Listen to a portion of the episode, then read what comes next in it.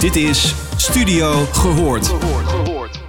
Waarin alles wordt besproken dat in menige organisatie onbespreekbaar is.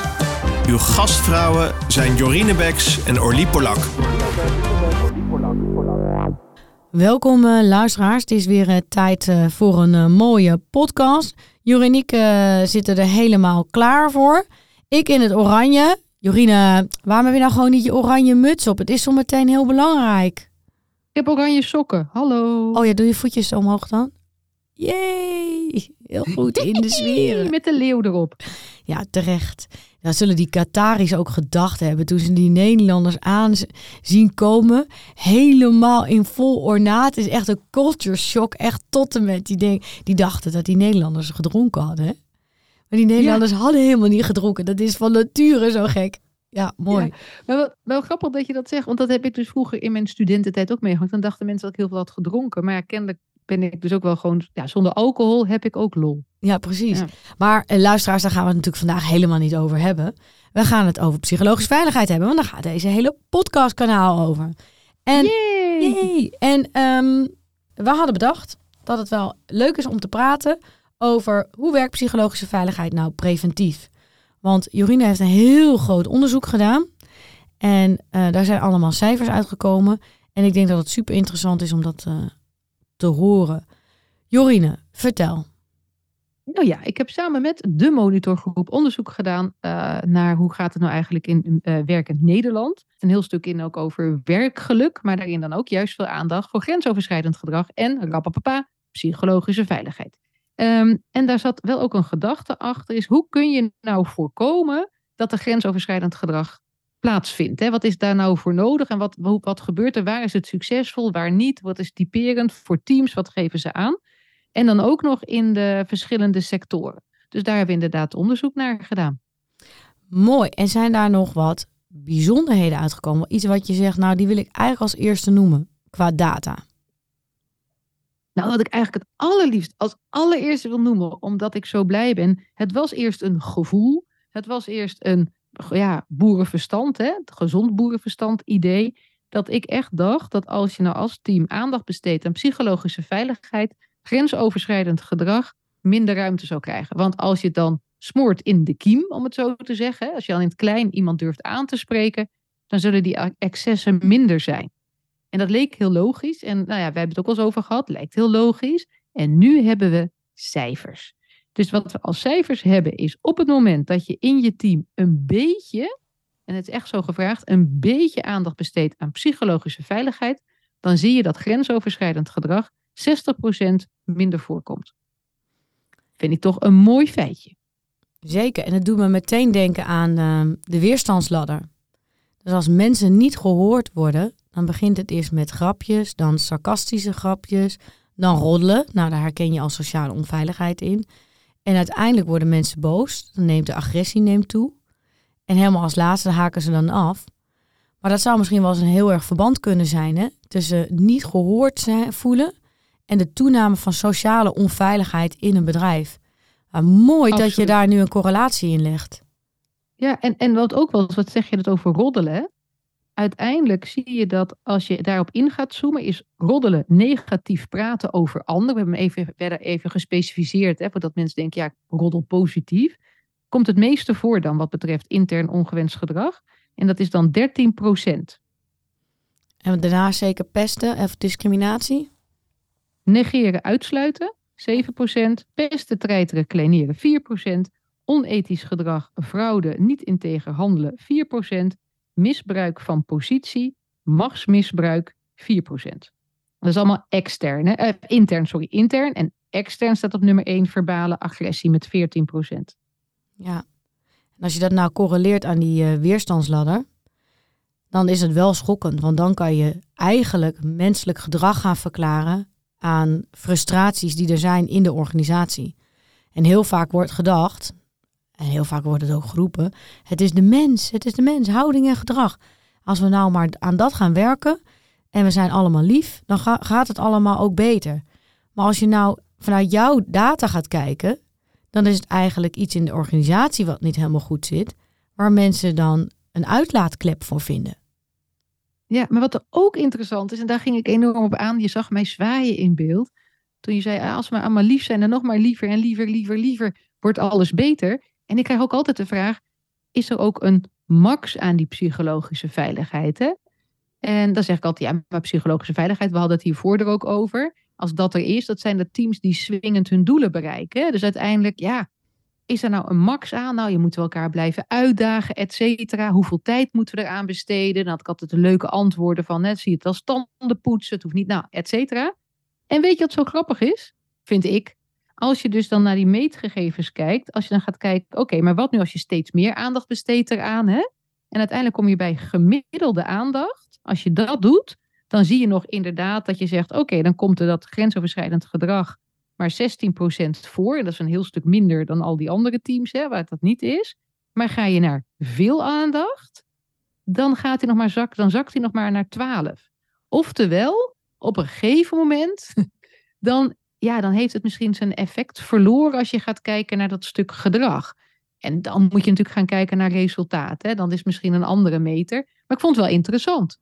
Zeker. En ik moet uh, aan voetbal denken. Mijn uh, hart uh, is natuurlijk even oranje gekleurd. maar um, als je kijkt naar Louis van Gaal. Ik ben geïnspireerd door Louis van Gaal. Die coacht zijn jongens op een hele positieve manier.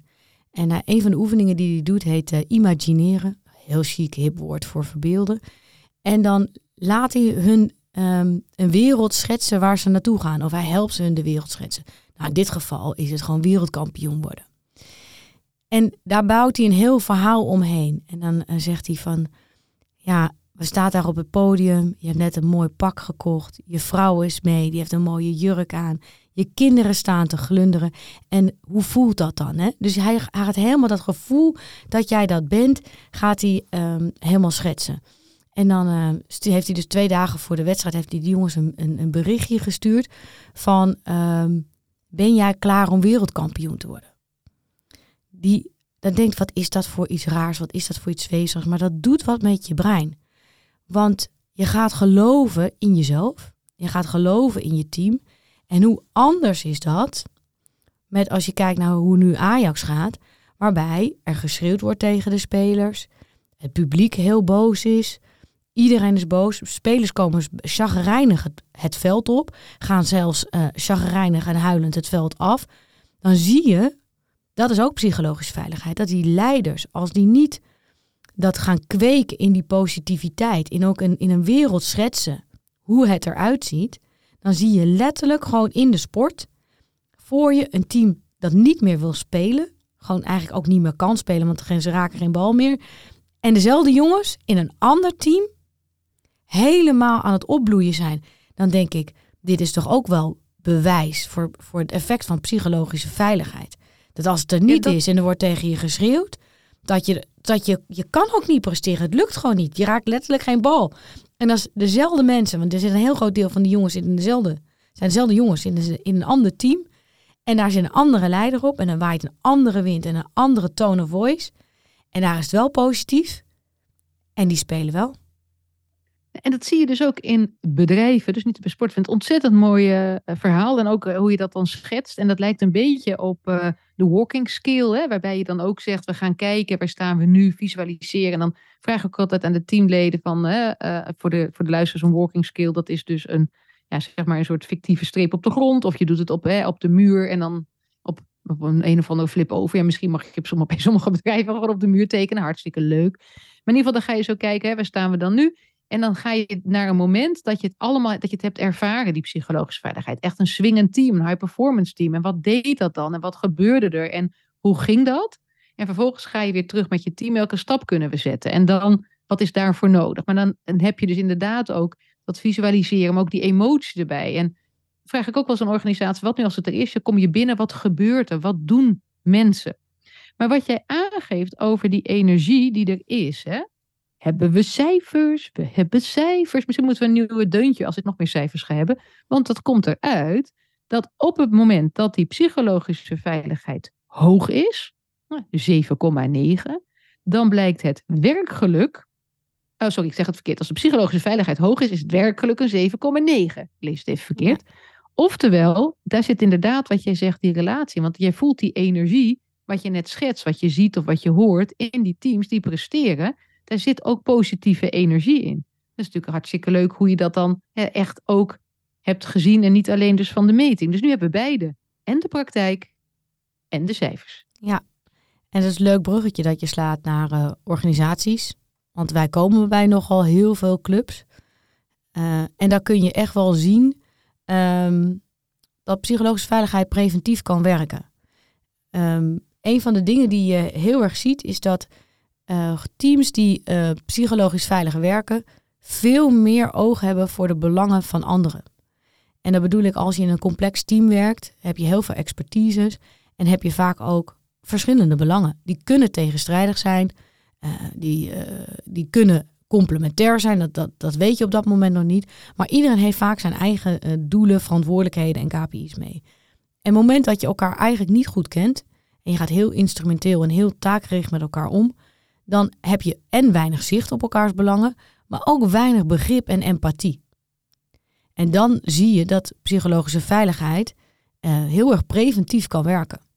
En om even een bruggetje slaan naar de voetbal, dan kun je dus als leider wat dan doen. Want op het moment dat je als leider zegt, joh, ben jij klaar om wereldkampioen te worden?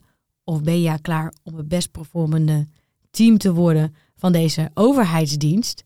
Of ben jij klaar om de, de best presterende artsenclub te worden van dit ziekenhuis? En hoe gaan we dat dan doen? Is dan de discussie. Maar als je een doel voor ogen hebt, een belang, een visie en een beeld waar je met z'n allen naartoe wil, dan kan je daarna onderhandelen of onderhandelen, praten over wat je dan gaat doen met die belangen. En zo kan uh, psychologische veiligheid kan meer begrip kweken vanuit die bedoeling voor die belangen. Ik denk inderdaad dat de bedoeling van belang is. Hè? Is natuurlijk ook met die knoppen waar je aan kunt draaien, wat ik al vaker heb verteld. Eén erbij is verschil maken. Maar wat mij ook opvalt in teams waar die psychologische veiligheid aanwezig is, maar ook als ik het zelf ervaar. Ik zit nou in een uh, base met een nieuw initiatief, met ook een clubje met allemaal mensen met een mening, ik ook.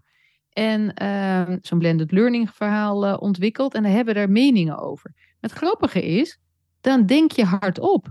En dat doen wij trouwens ook, bedenk ik me nu. Want ik heb haal dit erbij, maar dit zit ook al tussen ons. Jij hebt een hele duidelijke mening, ik heb een duidelijke mening. En we gaan hardop met elkaar verkennen vanuit nieuwsgierigheid. Hoe zie jij het? Hoe zie ik het? En dan komt er in één keer lijkt wel een soort derde tussen ons in. Dat we denken, hé, hey, er is nog een ander beeld. Of Misschien is dat beter. Dus wat ik me kan voorstellen, en daar zit natuurlijk wel in, als je dus bij ons kijkt, wij willen gewoon heel graag uh, een, een, een beweging meehelpen. En dat de luisteraar ook denkt, hé, hey, dat is zinvol. Dus wij vinden het ook leuk om elkaar daarin uit te dagen van wat speelt er, hoe kan dat helpen, waar lopen we tegenaan. Ze hebben volgens mij wel een hele duidelijk, wat jij net aangaf, een gemeenschappelijke visie-doel. En daar, dat is zijn eigenlijk waar we naartoe werken. En voor de rest dagen we elkaar echt daarin uit. Dus het betekent ook weer niet dat het dan koedi koedi is of yippie ayoyo of uh, uh, dat, dat ik heb mezelf voorgesteld, ik heb dat, uh, de mooie jurk of het mooie pak aan of het succesgevoel gekregen. En, en, en nu zijn we vriendjes. Dat zit er niet bij natuurlijk, want je moet nog wel elkaar durven uitdagen om het voor elkaar te krijgen. Ja, ik denk dat het mooi is wat je zegt, dat hardop denken. En dat zie je ook wel in teams inderdaad waar psychologische veiligheid is. En dat hardop denken uit zich ook in het feit dat iedereen mee hardop denkt. Want wat ik ook wel eens zie is teams waarbij de leider 85% van de tijd aan het woord is. Dan wordt er zeker hardop gedacht, ja hoor. Maar er wordt heel erg negatief hardop gedacht. Dus dan komt iemand met een idee of iemand komt met een suggestie en of een benoemt iets. Ik heb ook wel eens dat iemand iets benoemt en die zegt ik wil dit even benoemen. En dat iemand zegt ja dat zie jij gewoon helemaal verkeerd. En dat is dan vaak ook iemand in rank uh, en die slaat dan het hardop denken helemaal kapot. Maar in teams waar psychologische veiligheid is, zie je dat er een idee ergens ontstaat. Of het is een, een dilemma wat aangekaart wordt. Nou, ik heb een uh, tijdje een discussie over het plaatsen van een brug in 48 uur mogen meemaken. En dan zie je al die mensen in, in die club, die zie je hardop denken. En het denken heeft een soort ja, accelerend effect. Want mensen gaan denken, oh ja, maar dit raakt een van mijn eh, verantwoordelijkheden. Of dit raakt ergens mijn expertise. Heel goed dat jij dat net benoemt. Want jij gebruikt het woord triggeren. Dat is een heel mooi woord. Dat triggert iets bij mij. Want wij hebben dit en dit en dit. En hebben jullie aan dat en dat gedacht. En op een gegeven moment dat hardop denken wordt een soort orkest. Want iedereen raakt ergens in zijn functie of in zijn taak en verantwoordelijkheid of in zijn expertise vaak een complex probleem. En daar kom je pas achter doordat je iedereen de ruimte geeft heel hard op te denken. En dat, dat is absoluut waar. Ja, echt een beetje jammen, hè, wat Jitske Kramer ook zegt. Kijk, en, en wat mooi wat je dan inderdaad aanzegt, die ruimte geven voor hardop denken en iedereen levert een bijdrage. En wat er ook bij zit, is dat je dat als team waar die psychologische veiligheid is, ook wil. Je wil dat iedereen een bijdrage levert. Dat betekent dus ook dat je begrijpt dat je ruimte moet geven aan een ander om inderdaad die bijdrage te kunnen leveren. En, uh, en dat vind ik ook heel typerend. Dus iedereen levert een bijdrage, we geven ruimte voor die bijdrage, we kunnen ons inleven in het perspectief van de ander. Dus het is ook niet dat je elkaar kleiner maakt, maar je bent aan het nadenken, hé, hey, maar als jij dit zegt, hé, hey, wacht, hoe zit dat? Uh, maar ook als je een zorg hebt, hoe gaan we hier dan mee om? Oh ja, dat kan zo. En, en zo daag je elkaar daarin, uh, daarin uit, hè, om dat voor elkaar te krijgen. En wat ook wel heel typerend is, en daar hebben wij het natuurlijk wel vaker over gehad, is de open communicatie in een team waar psychologische veiligheid eh, aanwezig is. Dus we hebben het over hoe kan nou psychologische veiligheid bepaalde dingen voorkomen? Hoe kun je nou zorgen hè, dat je bijvoorbeeld ook het kunt voorkomen dat mensen heel vaak weglopen bij jouw bedrijf, een heel hoog verloop. Helpt psychologische veiligheid natuurlijk ook tegen. Hè? Tenminste, ook een mooi, mooi middel om die in te zetten. Blijkt ook uit de cijfers. Op het moment dat psychologische veiligheid hoog is, een 8,2, dan is het logisch om te blijven. Zegt iedereen eigenlijk, nou we blijven wel. En als die heel laag is, dan gaan mensen echt actief op zoek. Gezond boerenverstand, nu hebben we cijfers. Maar wat ik wilde zeggen, wat over die open communicatie. En we hebben het ook al eens gehad over dubbele agenda's, wantrouwen wat daardoor ontstaat. Dat is er dus ook niet. Nee, maar we gingen weer terug naar de bedoeling. We gingen samen wereldkampioen worden. En als we daar met elkaar over eens zijn wat, wat dat is en hoe dat eruit ziet, heb je een gemeenschappelijk vertrekpunt. En dan kun je gaan discussiëren over de hoe en de wat. Maar wat je heel vaak ziet, is dat er niet expliciet naar elkaar wordt uitgesproken. Wat willen we eigenlijk nou bereiken? Wat is nou ons doel? Wat is de visie die we hebben en, en, en, en de missie die daarbij hoort? En iedereen doet dan uiteindelijk alles van vanaf zijn eigen kasteeltje. Ik heb al Game of Thrones in, in gedachten. Dan denk ik, ik moet misschien mijn Lego maar een keer meenemen. En van die kasteeltjes bouwen. En dan gaan we al die, die lords en ladies, die gaan we op die kastelen zetten. En dan gaan we gewoon schieten. En zeg ik, joh, ga jij eens naar de overkant schieten. En zeg maar wat jouw belang is. En dan kan de overkant terug naar jou schieten. En daar zit je soms middenin. Ik zat daar uh, deze week middenin. En dan ligt er een complex probleem op tafel. Uh, wat uh, ja, mensenlevens kan kosten. En als je dan ziet hoe men dat probleem aanpakt, loodrecht tegenover elkaar staat hele heftige woorden gebruikt. En heel snel de schuld weet af te schuiven naar de ander. En dat dan ook niet zo bedoelt, maar dat wel zo heeft gezegd. Dus inmiddels ligt het al op tafel. Hè? Het ligt al in het midden over wie dan verantwoordelijk zou zijn voor, uh, voor het grote risico. En je bouwt daar ook iets anders mee op. En dan komt hij op het terrein wat jij net onderzocht hebt. Op het moment dat je elkaar zo bejegent. En er is geen psychologische veiligheid, maar de belangen zijn groot. Dat hangt van mensenlevens af. En je gaat in, in die stroom van niet in werk in vertrouwen, niet werk in transparantie, niet werk in open communicatie, schuld schuiven. Nou, dan moet je weer even aan die kasteeltjes denken die ik gebouwd heb met mijn Lego. Al die schildjes gaan op. Al die schildjes. Niemand wil iets meer laten weten. Want niemand wil de zwarte piet krijgen, of de hete aardappel, of hoe je het ook wil noemen. Niemand wil straks bij het strafbankje zeggen: Ja, maar jij was degene die de verkeerde beslissing heeft genomen. Jij bent degene die dingen moest doen. Dat heb ik nog in die meeting gezegd dat jij dat moest doen. En dan op een gegeven moment gaan al die, je ziet het aan de gezichten als je in teams werkt. Je ziet het aan de houding. De deur is op slot. Ik laat niks meer los. Want oi wee, dan, dan heb ik het gedaan. En dat helpt eh, psychologische veiligheid, als je dat goed en bed als leider, voorkomen. Want de oplossing komt er niet. Het enige wat er komt zijn kasteeltjes waar mensen op blijven staan hun pijltjes op de ander gericht en de schildjes omhoog.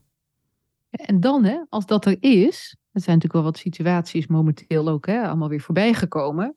Als op een gegeven moment zo'n toxische sfeer is, als er op een gegeven moment zo'n grote onveiligheid is, wie heeft dan het lef, wie heeft de moed om die eerste stap te zetten om psychologische veiligheid te bouwen? En daarmee bedoel ik, psychologische veiligheid heb jij zelf invloed op. sociale onveiligheid, grensoverschrijdend gedrag, kun je nog wijzen naar die ander. Ja, maar die schreeuwde zo. Maar op het moment dat je naar die psychologische veiligheid gaat, komt die heel dichtbij. Want in wat heb ik nodig om mij psychologisch veilig te voelen? Dus te durven zeggen wat ik vind, ook tegen iemand in te gaan, maar ook mezelf uit te dagen, maar ook uit te nodigen hoe het voor die ander is. En ook me kunnen inleven met de toezetten om me in te leven in het perspectief van jou. En dat, dan heb je ook wel moed voor nodig om je eigen stuk los te laten. En ook eens te gaan luisteren en te verdiepen. En los te laten dat het kan betekenen dat mensen dan denken dat je niet voldoet. Dat is ook eng. En hoe ver leef je die positieve bijdrage aan de psychologische veiligheid aan die ander? Ja, ik heb het toch echt, als je dan gaat kijken, als het zo heel toxisch is, dan komt leiderschap ook echt om de hoek. En hoe ga je zorgen dat je van toxisch weer naar normaal komt? Nou, dat is ook heel veel onderzoek naar gedaan. Dat heb ik dan hier niet direct.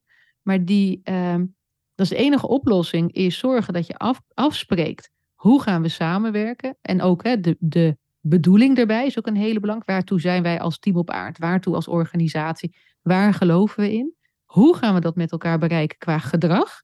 En vervolgens no, uh, no tolerance beleid, zero tolerance beleid.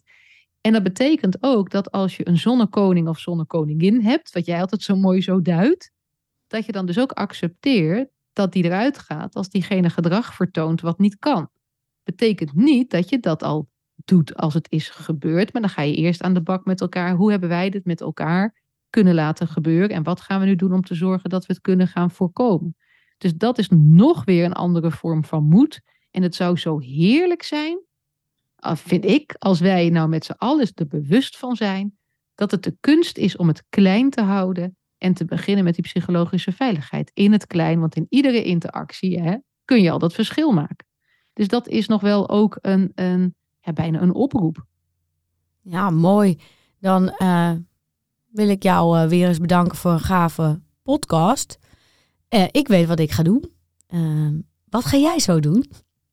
Ja, ik ga voetbal kijken. en ik heb net uit betrouwbare bron vernomen dat het spannend is. Dat is van iemand met wie ik net een podcast heb gemaakt. Ik was nog zo naïvig dat ik dacht, leuk, we gaan voetbal kijken. Maar er hangt heel veel van af. Allemaal tactiek, dingen, weet ik wat allemaal zit er omheen.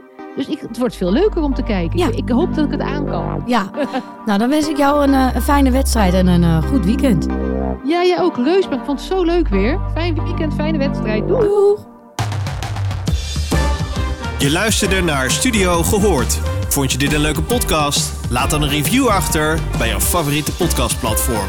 Tot de volgende!